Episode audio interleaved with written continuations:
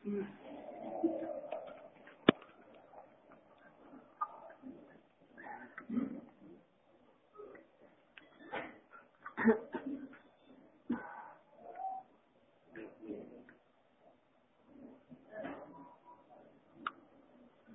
الله الرحمن الرحيم. السلام عليكم ورحمة الله وبركاته. إن الحمد لله نحمده ونستعينه ونستغفره ونعوذ بالله من شرور أنفسنا وسيئات أعمالنا من يهده الله فلا مضل له ومن يضلل فلا هادي له وأشهد أن لا إله إلا الله وحده لا شريك له وأشهد أن محمدا عبده ورسوله يا أيها الذين آمنوا اتقوا الله حق تقاته ولا تموتن إلا وأنتم مسلمون. يا أيها الناس اتقوا ربكم الذي خلقكم من نفس واحدة وخلق منها زوجها وبث منهما رجالا كثيرا ونساء. واتقوا الله الذي تساءلون به والأرحام إن الله كان عليكم رقيبا. يا أيها الذين آمنوا اتقوا الله وقولوا قولا سديدا يصلح لكم أعمالكم ويغفر لكم ذنوبكم ومن يطع الله ورسوله فقد فاز فوزا عظيما أما بعد.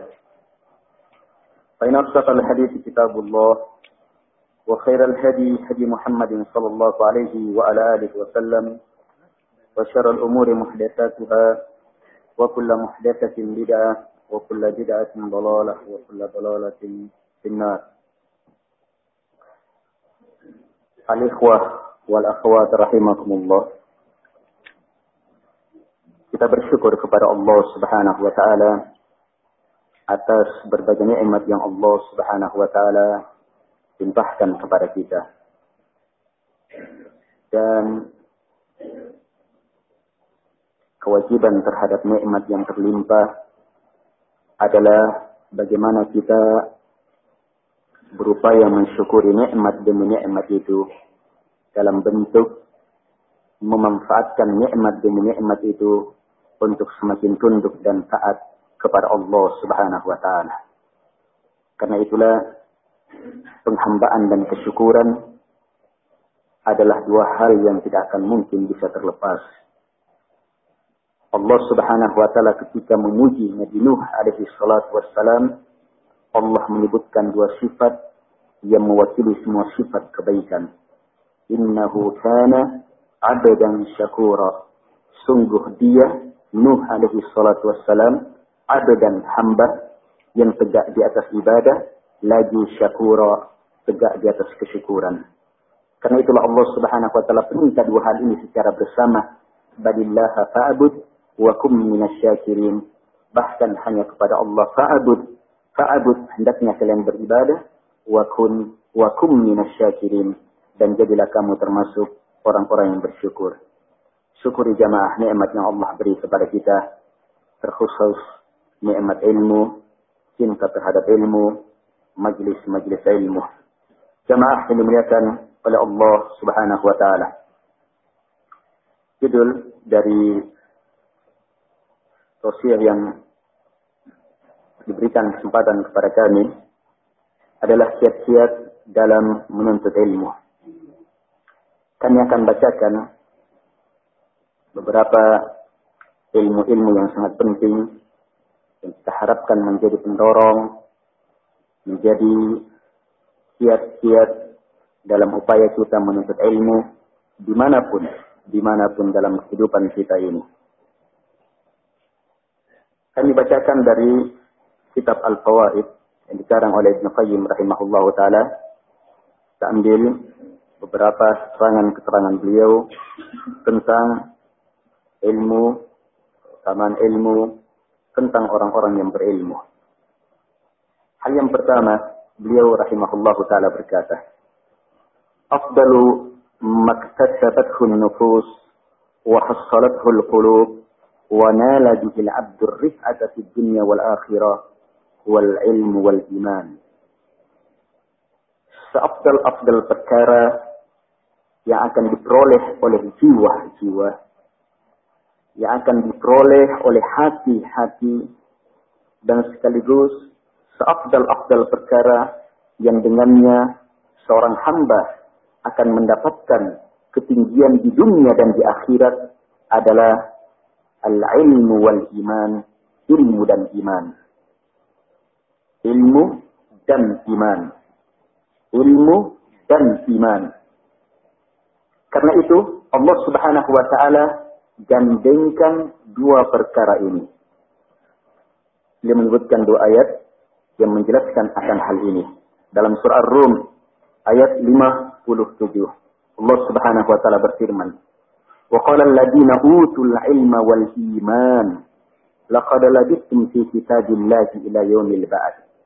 Ketika Allah mengungkap perkataan kelompok hamba Allah yang betul-betul Allah puji, Allah muliakan.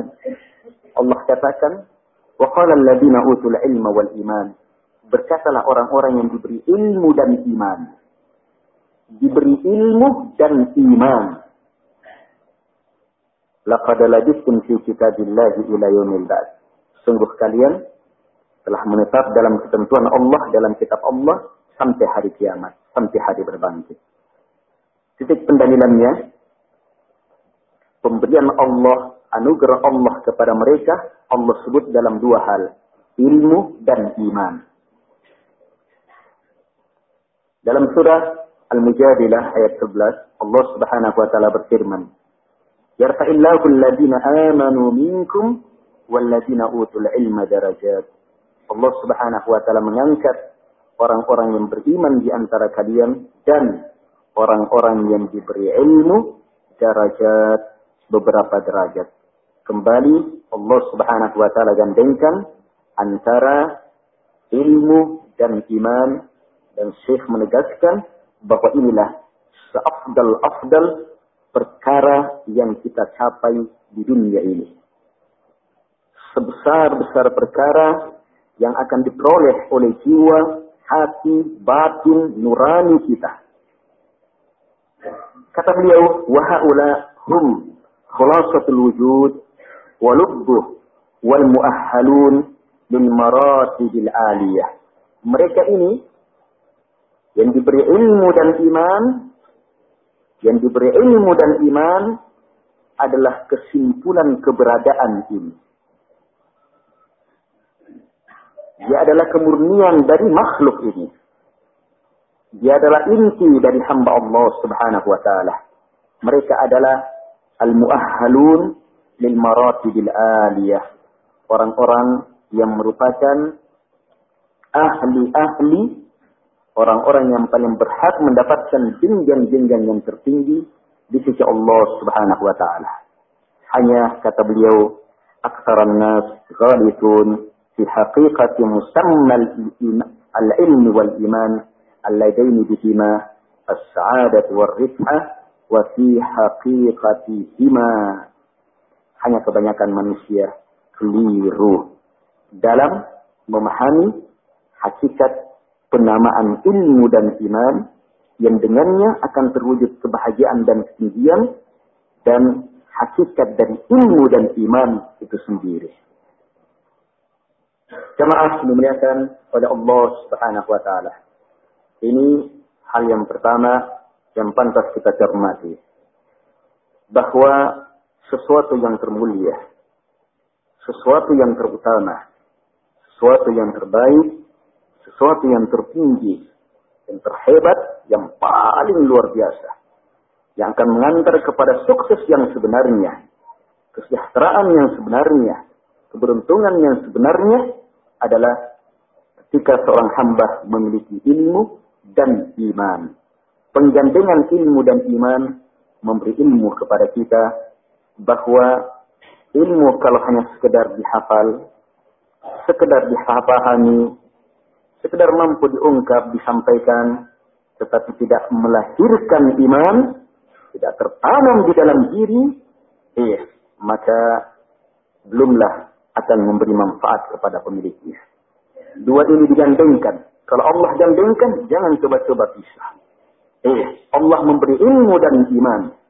Karena itu keliru. Mereka-mereka mengejar iman, tapi tidak mau menuntut ilmu. Eh, keliru pula mereka-mereka yang mengejar ilmu dan mengejar ilmu, tetapi tidak memperhatikan kondisi keimanan dia, hati dia terhadap ilmu yang dia peroleh. Jamaah yang dimuliakan pada Allah Subhanahu wa taala. Kemudian beliau mengisyaratkan hal yang kedua. Banyak manusia keliru akan ilmu dan iman ini.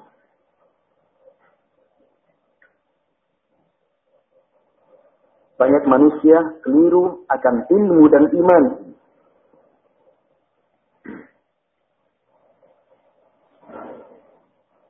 Kata beliau sampai-sampai setiap kelompok menyangka bahwa bersama kelompok mereka ada ilmu dan iman yang dengannya akan diperoleh kebahagiaan.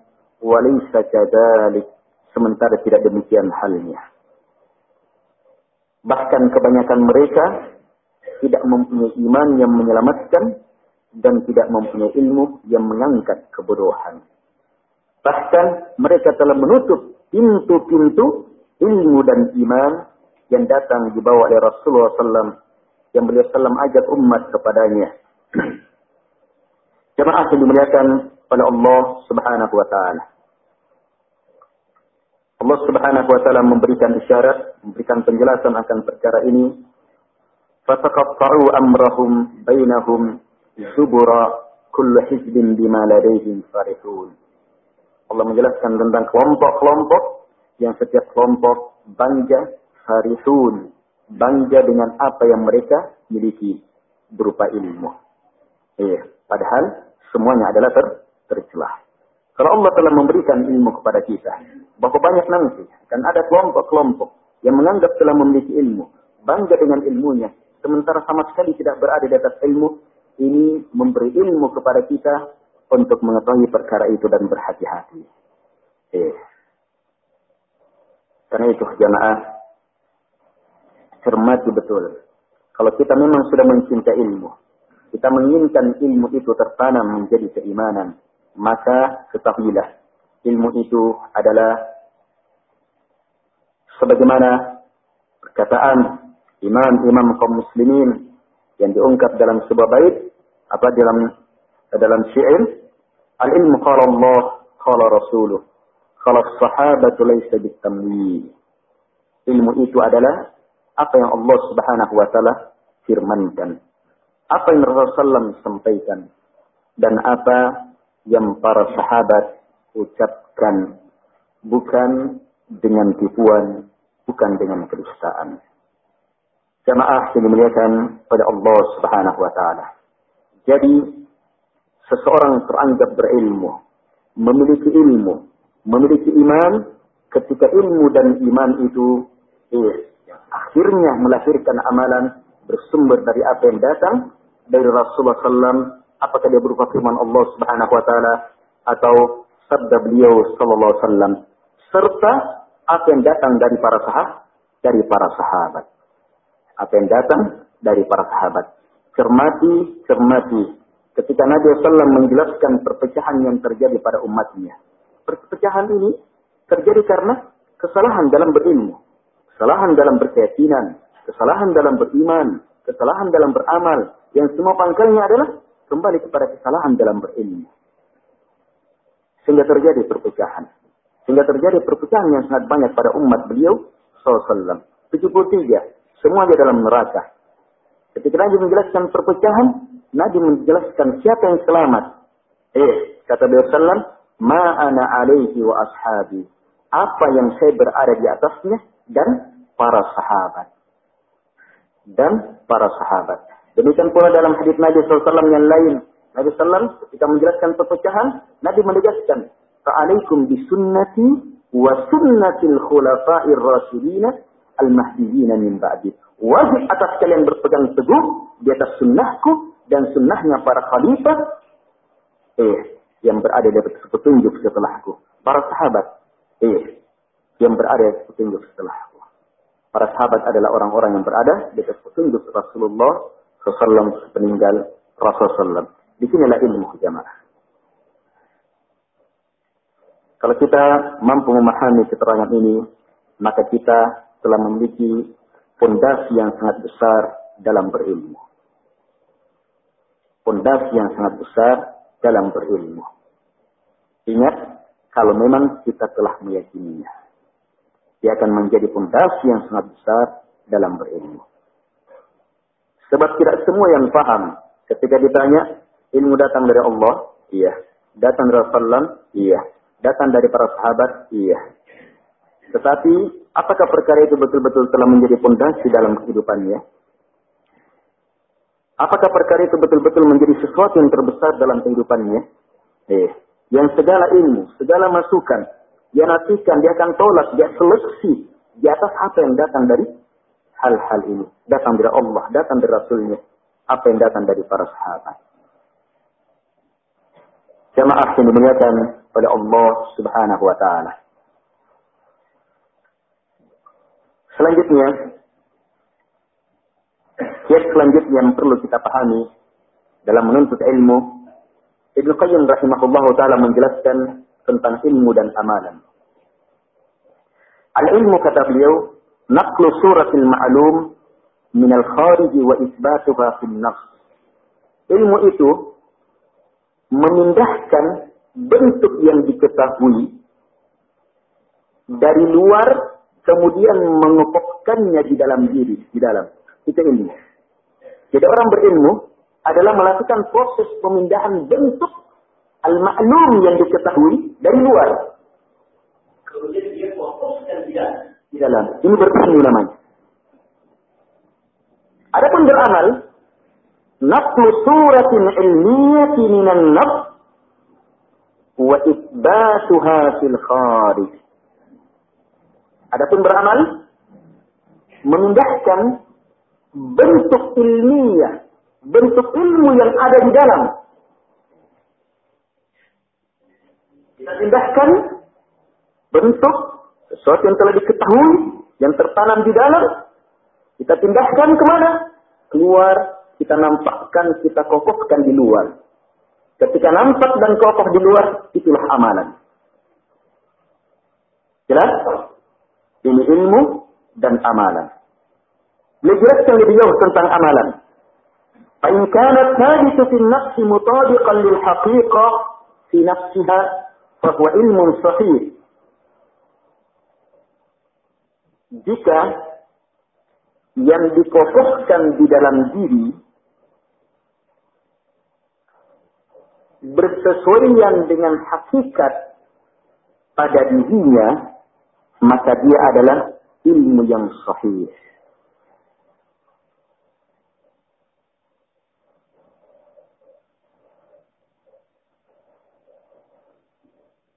Maksudnya,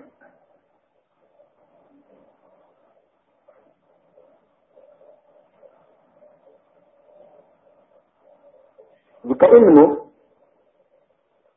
yang diyakini itu yang tertanam di dalam diri betul-betul merupakan kenyataan-kenyataan sesuatu yang sebenarnya, maka ilmu itu adalah ilmu yang sahih, ilmu yang benar.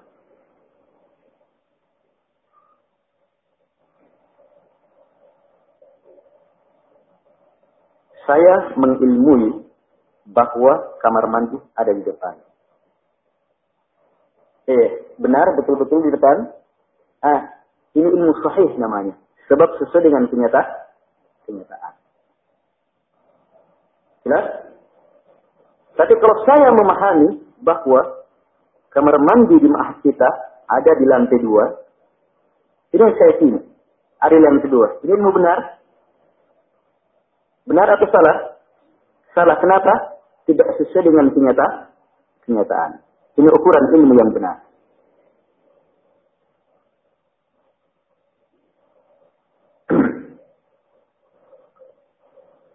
dan ilmu yang sesuai dengan kenyataan, kata beliau,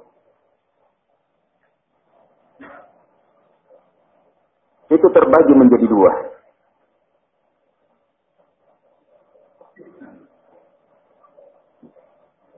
Nah, takmulun nafsu di idrakihi wal ilmi di.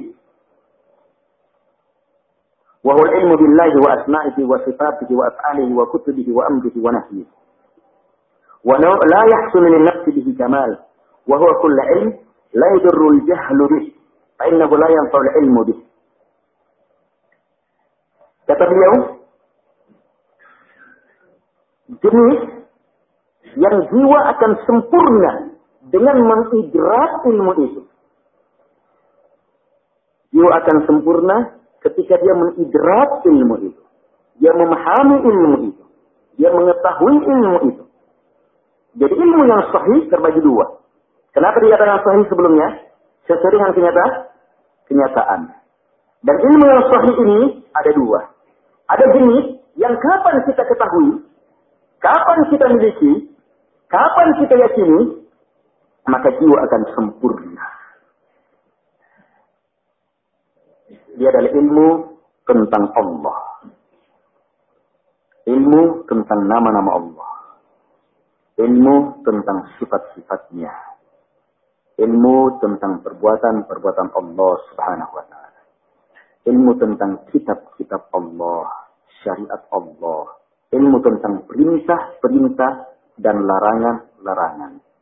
Yang kita pelajari sekarang, bahagian dari perintah dan larangan bahagian dari perintah dan larangan. Jelas? Ini ilmu ketika diketahui maka akan sempurna. Yarfa'illahu alladhina amanu minkum walladhina utul ilma darajat. Dan orang-orang yang diberi ilmu darajat. Diangkat beberapa derajat. Ilmu yang dimaksudkan adalah ilmu ini. Jelas? Ilmu yang dimaksudkan adalah ilmu. Ilmu yang kedua, ilmu benar. Tetapi apa? Tidak melahirkan kamal kesempurnaan dalam diri ketika mengetahuinya. Dia adalah semua ilmu yang tidak mendatangkan bahaya ketika kita tidak tahu.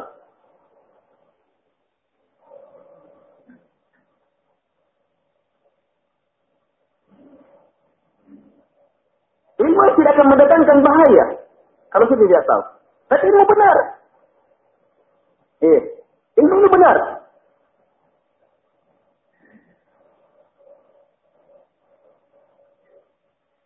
Segala pengetahuan, eh, benar sesuai dengan kenyataan.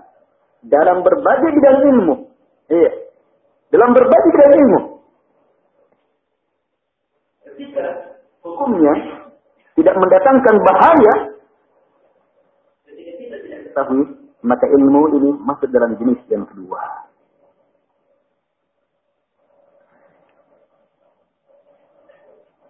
Jamaah yang dimuliakan pada Allah Subhanahu wa taala. Ada ilmu tentang cara me membuat memproduksi barang tertentu, sesuatu yang tertentu atau menghasilkan bidang pekerjaan tertentu atau berbagai perkara-perkara yang berhubungan dengan keduniaan misalnya. Ketika seseorang merasa apa? Ketika seseorang tidak akan mendatangkan bahaya ketika tidak mengetahuinya, maka dia masuk ke dalam ilmu-ilmu. Walaupun ilmu itu benar. Jelas ini? Jamaah yang dimuliakan pada Allah Subhanahu wa taala. Baik. Jadi kita perlu memahami kemuliaan ilmu itu sangat ditentukan oleh kemuliaan yang diketahui dan besarnya hajat terhadapnya. Dia menyebutkan dua hal penting dalam melihat kemuliaan ilmu. Satu, kemuliaan yang diketahui. Yang kedua, besarnya hajat terhadapnya.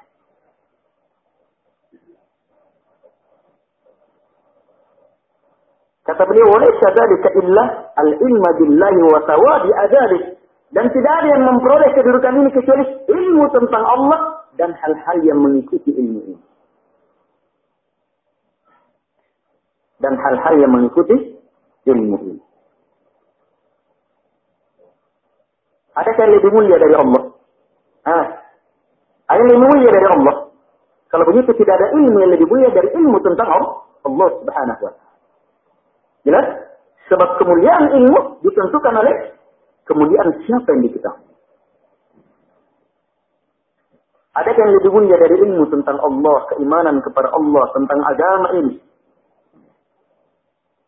Dari tinjauan hajat kita terhadapnya. Eh,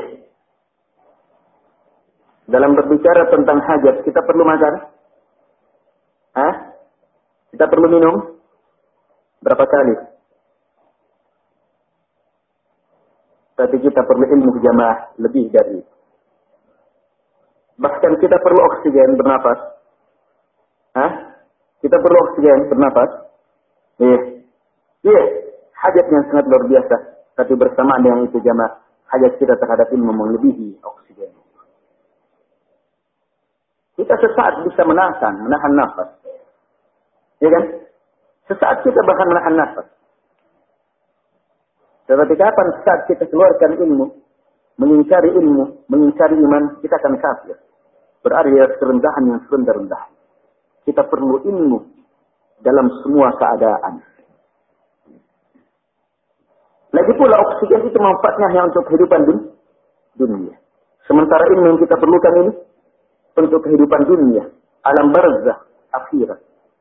Karena itu tidak ada yang lebih baik, tidak ada yang lebih mulia dari ilmu yang datang dari Allah Subhanahu wa taala, datang dari Rasulnya, ilmu tentang Allah Subhanahu wa taala, nama-namanya, sifat-sifatnya, tentang perintah-perintah Allah, larangan-larangan Allah Subhanahu wa taala.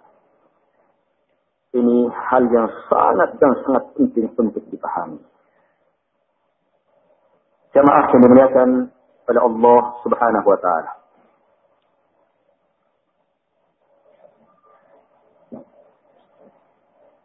Hanya banyak orang yang tertipu kalau orang tidak memiliki kaidah ini, seseorang akan banyak tertipu dan tergelincir. Ketika dia menghadiri seminar, ceramah, penjelasan ilmiah akan teori-teori yang telah digeluti oleh si ahli teori ini selama berpuluh-puluh tahun, bahkan selama hidupnya. Apakah teori tentang pendidikan, teori tentang kebudayaan, teori tentang kejiwaan, teori tentang kesehatan, teori tentang penghambaan, bagaimana menenangkan diri, dan berbagai teori-teori lainnya. Orang akan kagum luar biasa ketika eh, si pemateri itu memaparkan teori-teorinya. Yang biasa menghadiri seminar, sekarang hubungkan ya. Siapa yang tidak bisa menghubungkan itu? Eh, pertama, dia tidak hubungkan sebab menganggap ini beda. Ini terpisah dengan agama ini. Salah besar, salah besar. Eh, tidak ada satupun perkara yang diperlukan dalam kehidupan dunia kecuali ada ilmu di dalam agama dan ilmu itu adalah ilmu yang terbaik, paling sempurna, paling hebat. Tidak ada satupun. Pendidikan sempurna di dalam. Kita perlu ilmu tentang kebudayaan sempurna di dalam. Kita perlu ilmu tentang kesehatan sempurna dalam Quran. Kita perlu ilmu tentang eh perayaan, pemerintahan, perekonomian, sempurna dalam Quran, dalam hadis-hadis Nabi Sallallahu Sempurna, bukan sekedar ada, sempurna dengan sempurna-sempurnanya. Jemaah yang dimuliakan oleh Allah Subhanahu wa taala.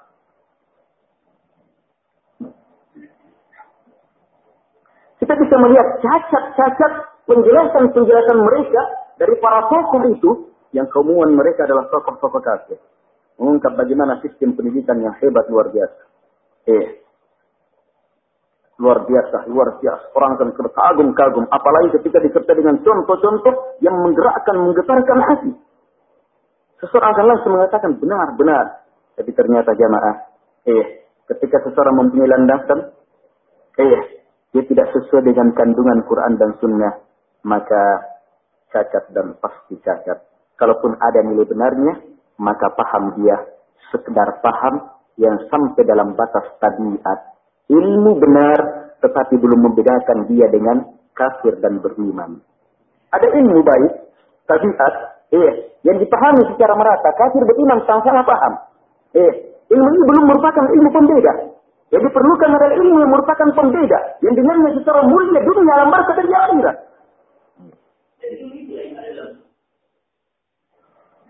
Ambil kaidah utama penting. Ketika tidak datang dalam Quran dan Sunnah, tidak ada keterangannya dari Allah Subhanahu wa Taala.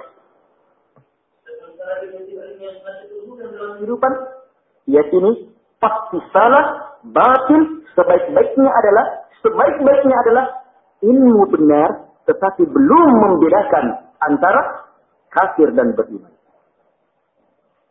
Iya. Antum kembangkan ikhwah. Antum dalam pelajaran akidah ada kan pelajaran ilmu tentang orang-orang musyrik. Di antara ilmu tentang orang musyrik apa? Orang musyrik meyakini Allah pencipta, Allah penguasa alam semesta, Allah pengatur alam semesta. Ini ilmunya orang musyrik. Ini keyakinannya. Ini ilmu benar tidak? Ini ilmu benar tidak? Ini ilmu benar. Benar dan sangat luar biasa benarnya. Tetapi apa? Tetap pemilik ilmu ini musyrik dan penghuni neraka paling bawah. Paham?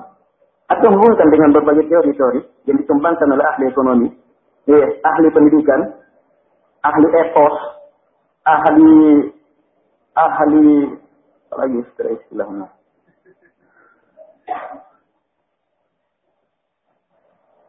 Provokasi, ya, manajemen, dan berbagai sekarang banyak sekali metode-metode tentang keikhlasan, kuantum ikhlas, iya, iya. Banyak sekali itu tentang keikhlasan. Orang kafir, orang muslim apa berbicara tentang ikhlas. Kalau kita melihat pembahasan tentang ikhlas, di situ terlihat mereka luar biasa kagumnya terhadap ikhlas. Tetapi jamaah, keikhlasan yang dibahas ada keikhlasan yang belum membedakan kafir dengan beriman. Berbicara tentang ikhlas tapi gugur, gugur. Ikhlas apa yang dibahas? Eh, saya kasih satu ilmu tentang ikhlas dalam Quran. Saya kasih satu ilmu tentang ikhlas dalam Quran. Yang bisa menjadi ukuran bagaimana keikhlasan yang dibahas oleh orang-orang di luar Islam. Saya pembahasan tentang ikhlas itu masuk dalam sistem perekonomian, dalam manajemen, dalam beretos, dalam berbagai perkara. Ahli-ahli itu mengungkap, mengungkap luar biasa hebatnya nilai keikhlasan menjadi pondasi perekonomian, menjadi pondasi perusahaan, menjadi pondasi dalam pendidikan, menjadi pondasi menjadi pemimpin, menjadi ini, luar biasa. Mereka ungkap itu, mereka akui. Tetapi jamaah, lihat ilmu yang datang dari Allah subhanahu wa ta'ala. Allah subhanahu wa ta'ala berfirman. Iblis berkata, Qala fa bi'izzatih, lawiyannahum ajma'in, illa ibadaka minhumul mukhlasin. Qala qad izzati. Iblis berkata, demi keperkasaanmu ya Allah, la'uyannahum minhum ajma'in. Betul-betul saya akan celakakan mereka seluruhnya. Saya akan jerumuskan mereka seluruhnya. Adam beserta turunannya. Illa kecuali ibadah hamba-hamba engkau. Dari kalangan mereka al-mukhlasin yang diberi keikhlasan. Ayat ini memberi ilmu kepada kita bahwa iblis bahwa iblis memahami ikhlas sebagai apa? Sebagai sesuatu yang seluruh makarnya. Jelas? Iblis memahami bahwa ikhlas itu adalah sesuatu yang menggugurkan seluruh makarnya. Sebab apa pun yang dia terhadapkan kepada hamba yang diberi keikhlasan, dia tidak akan bisa. Berarti gugur seluruh mata iblis di hadapan orang yang ikhlas. Iblis bahkan. Sementara yang berbicara tentang ikhlas, orang kafir penyembah ini, penyembah ini. Gimana? Ikhlas apa yang dibahas? Iya. Kira-kira keikhlasan apa yang dibahas? Lihat bagaimana Allah memalingkan Nabi Yusuf alaihi salatu wassalam. Linasrifa anhu su' wal fahsya innahu min ibadina al-mukhlasin. Demikian kami palingkan Nabi Yusuf. Kami palingkan dia dari asu berbagai kejelekan. Wal fahsya berbagai kekejian. Mencakup semua pelanggaran sudah ini. Kami palingkan Nabi Yusuf alaihi salatu wassalam dari dua ini. Asu wal fahsya. Apa sebabnya? Innahu Sungguh dia min ibadil al-mukhlasin. Dia termasuk hamba-hamba kami al-mukhlasin. Yang diberi keikhlasan. Terus keikhlasan apa yang dibahas? Sementara pelakunya terus berada di atas. Belum memahami. Iya. Jadinya berada di atas bencana.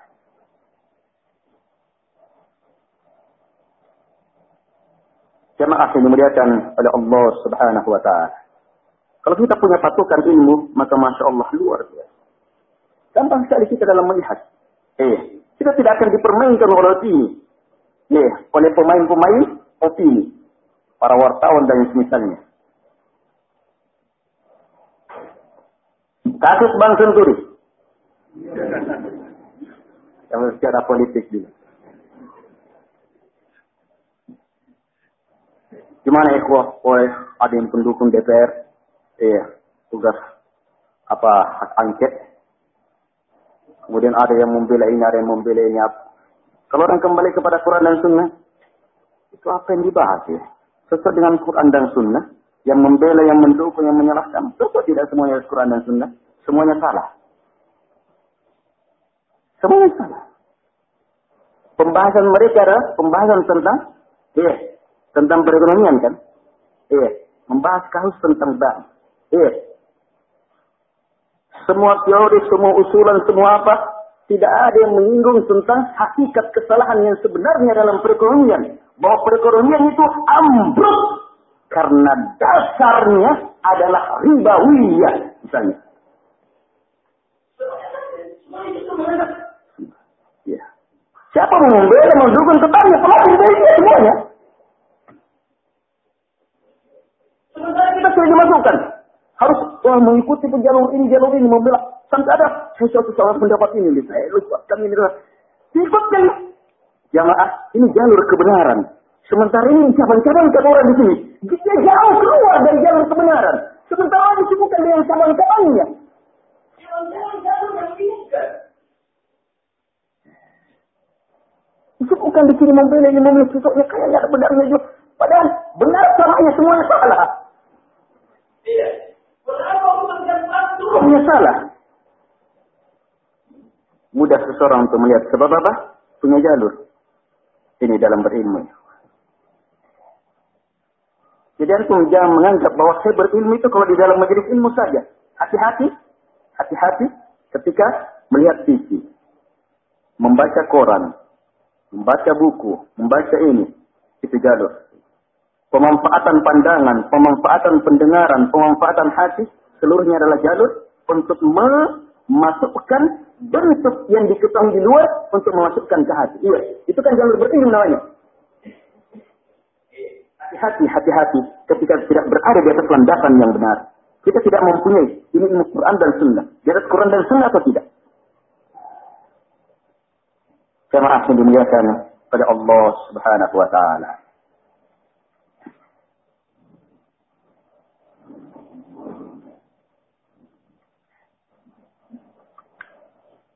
Baik. Setelah kita memahami perkara ini, maka habis waktunya.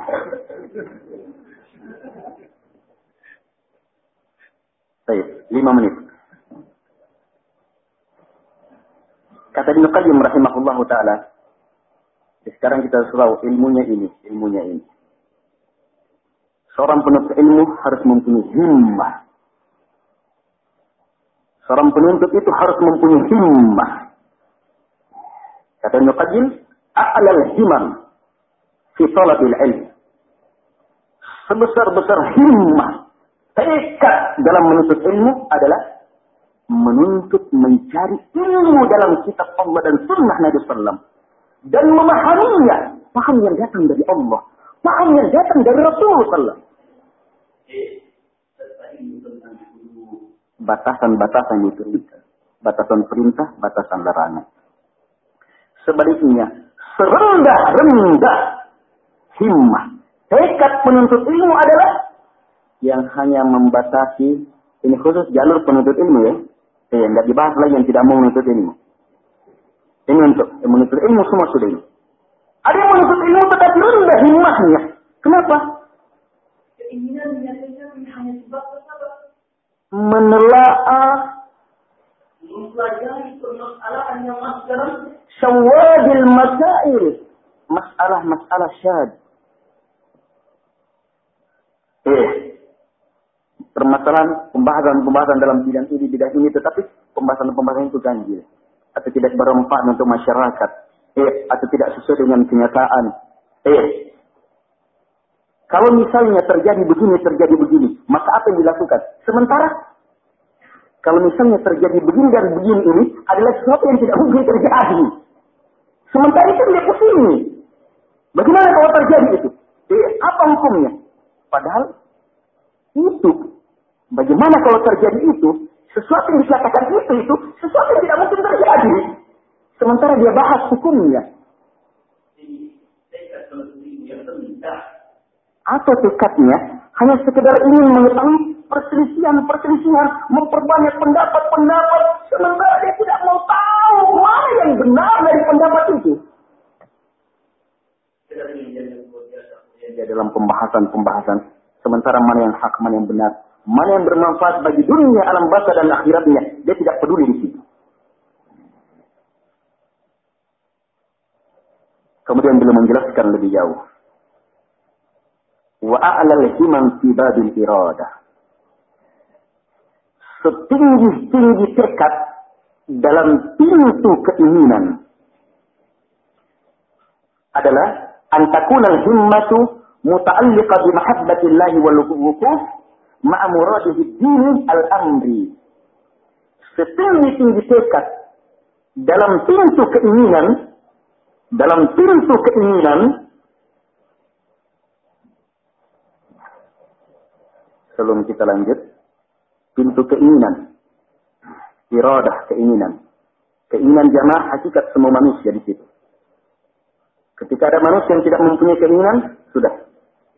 Iya kalau bukan mayat dia iya orang yang sudah gila iya kafir beriman punya keinginan Iya.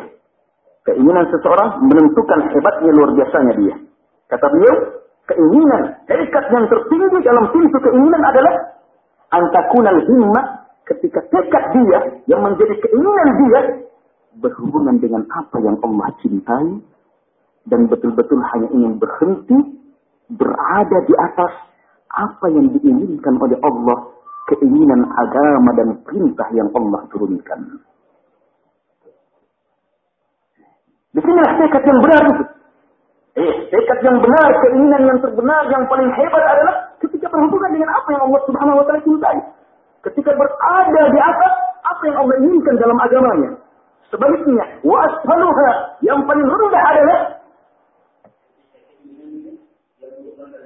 tekadnya hanya berdiri di atas ma'amuradi sahibiha minallah. Perhatikan kalimatnya eh an takuna al-himmatu waqifatan ma'a muradi sahibiha min Allah.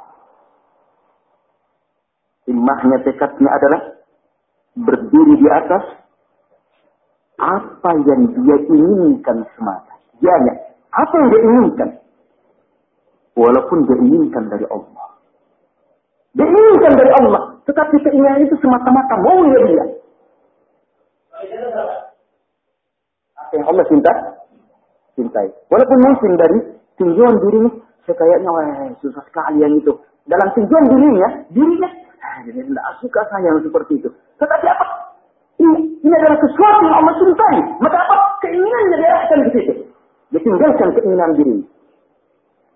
Kalau yang kedua, memperturutkan keinginan dirinya, dia minta kepada Allah. Tetapi keinginan dirinya semata. Yang kedua ini, tidaklah dia menyembah kecuali hanya menyembah apa yang merupakan keinginannya. Bukan apa yang merupakan keinginan Allah. Yang pertama itu, wa yuridu murada. Wasani, yuridu min Allah wa huwa faridun an iradati.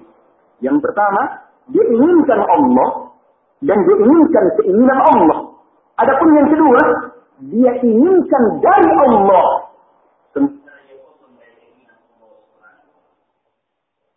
Bisa dibedakan? Iya. Dan ini sangat penting. Ini pembahasan yang terakhir. Sangat penting dalam semua kegiatan. Pembahasan yang terakhir ini pokok ilmu dalam semua kegiatan. Mau berceramah, mau menuntut ilmu, mau berjihad, mau beramal, mau sholat, mau bertaharah, mau berzakat, mau apa pun. Iya. Kehidupan keduniaan, kehidupan alam barzakh, iya. Kehidupan akhirat, Eh, perkara-perkara yang berhubungan dengan agama, perkara-perkara yang berhubungan dengan dunia, maka lihat, eh, apa maksud kita, apa keinginan kita dalam perkara itu. Eh, maka yang terhebat adalah ketika berhubungan dengan apa yang Allah Subhanahu wa taala cintai. Saya katakan walaupun berhubungan dengan keduniaan. Eh, orang seseorang bekerja, seseorang bekerja, ada yang diinginkan kan dari pekerjaannya. Eh, dia berjualan, ada yang diinginkan kan dari jualannya. Eh, keinginan yang terhebat adalah ketika dia menginginkan dengan berjualnya adalah apa yang Allah Subhanahu wa taala cintai. Dan yang paling rendah adalah yang hanya sekedar menginginkan dari jualannya hanya apa yang diinginkan oleh jiwanya. Yang pertama adalah sembah, yang pertama adalah hamba Allah, adapun yang kedua adalah hamba dirinya. Hamba dirinya. Baik, ini beberapa hal. Semoga memberi masukan kepada kita, memberikan dorongan kepada kita, memberi manfaat kepada kita untuk semakin bersemangat dan berkokoh langkah-langkah kita dalam kehidupan, berilmu, beramal dalam mengejar kemuliaan sisi Allah Subhanahu wa taala. Subhanakallah Muhammad, asyhadu an la ilaha illa anta astaghfiruka wa atubu ilaik. Ala Muhammad wa ala alihi wasallam wa akhiru da'wana alhamdulillahi rabbil alamin.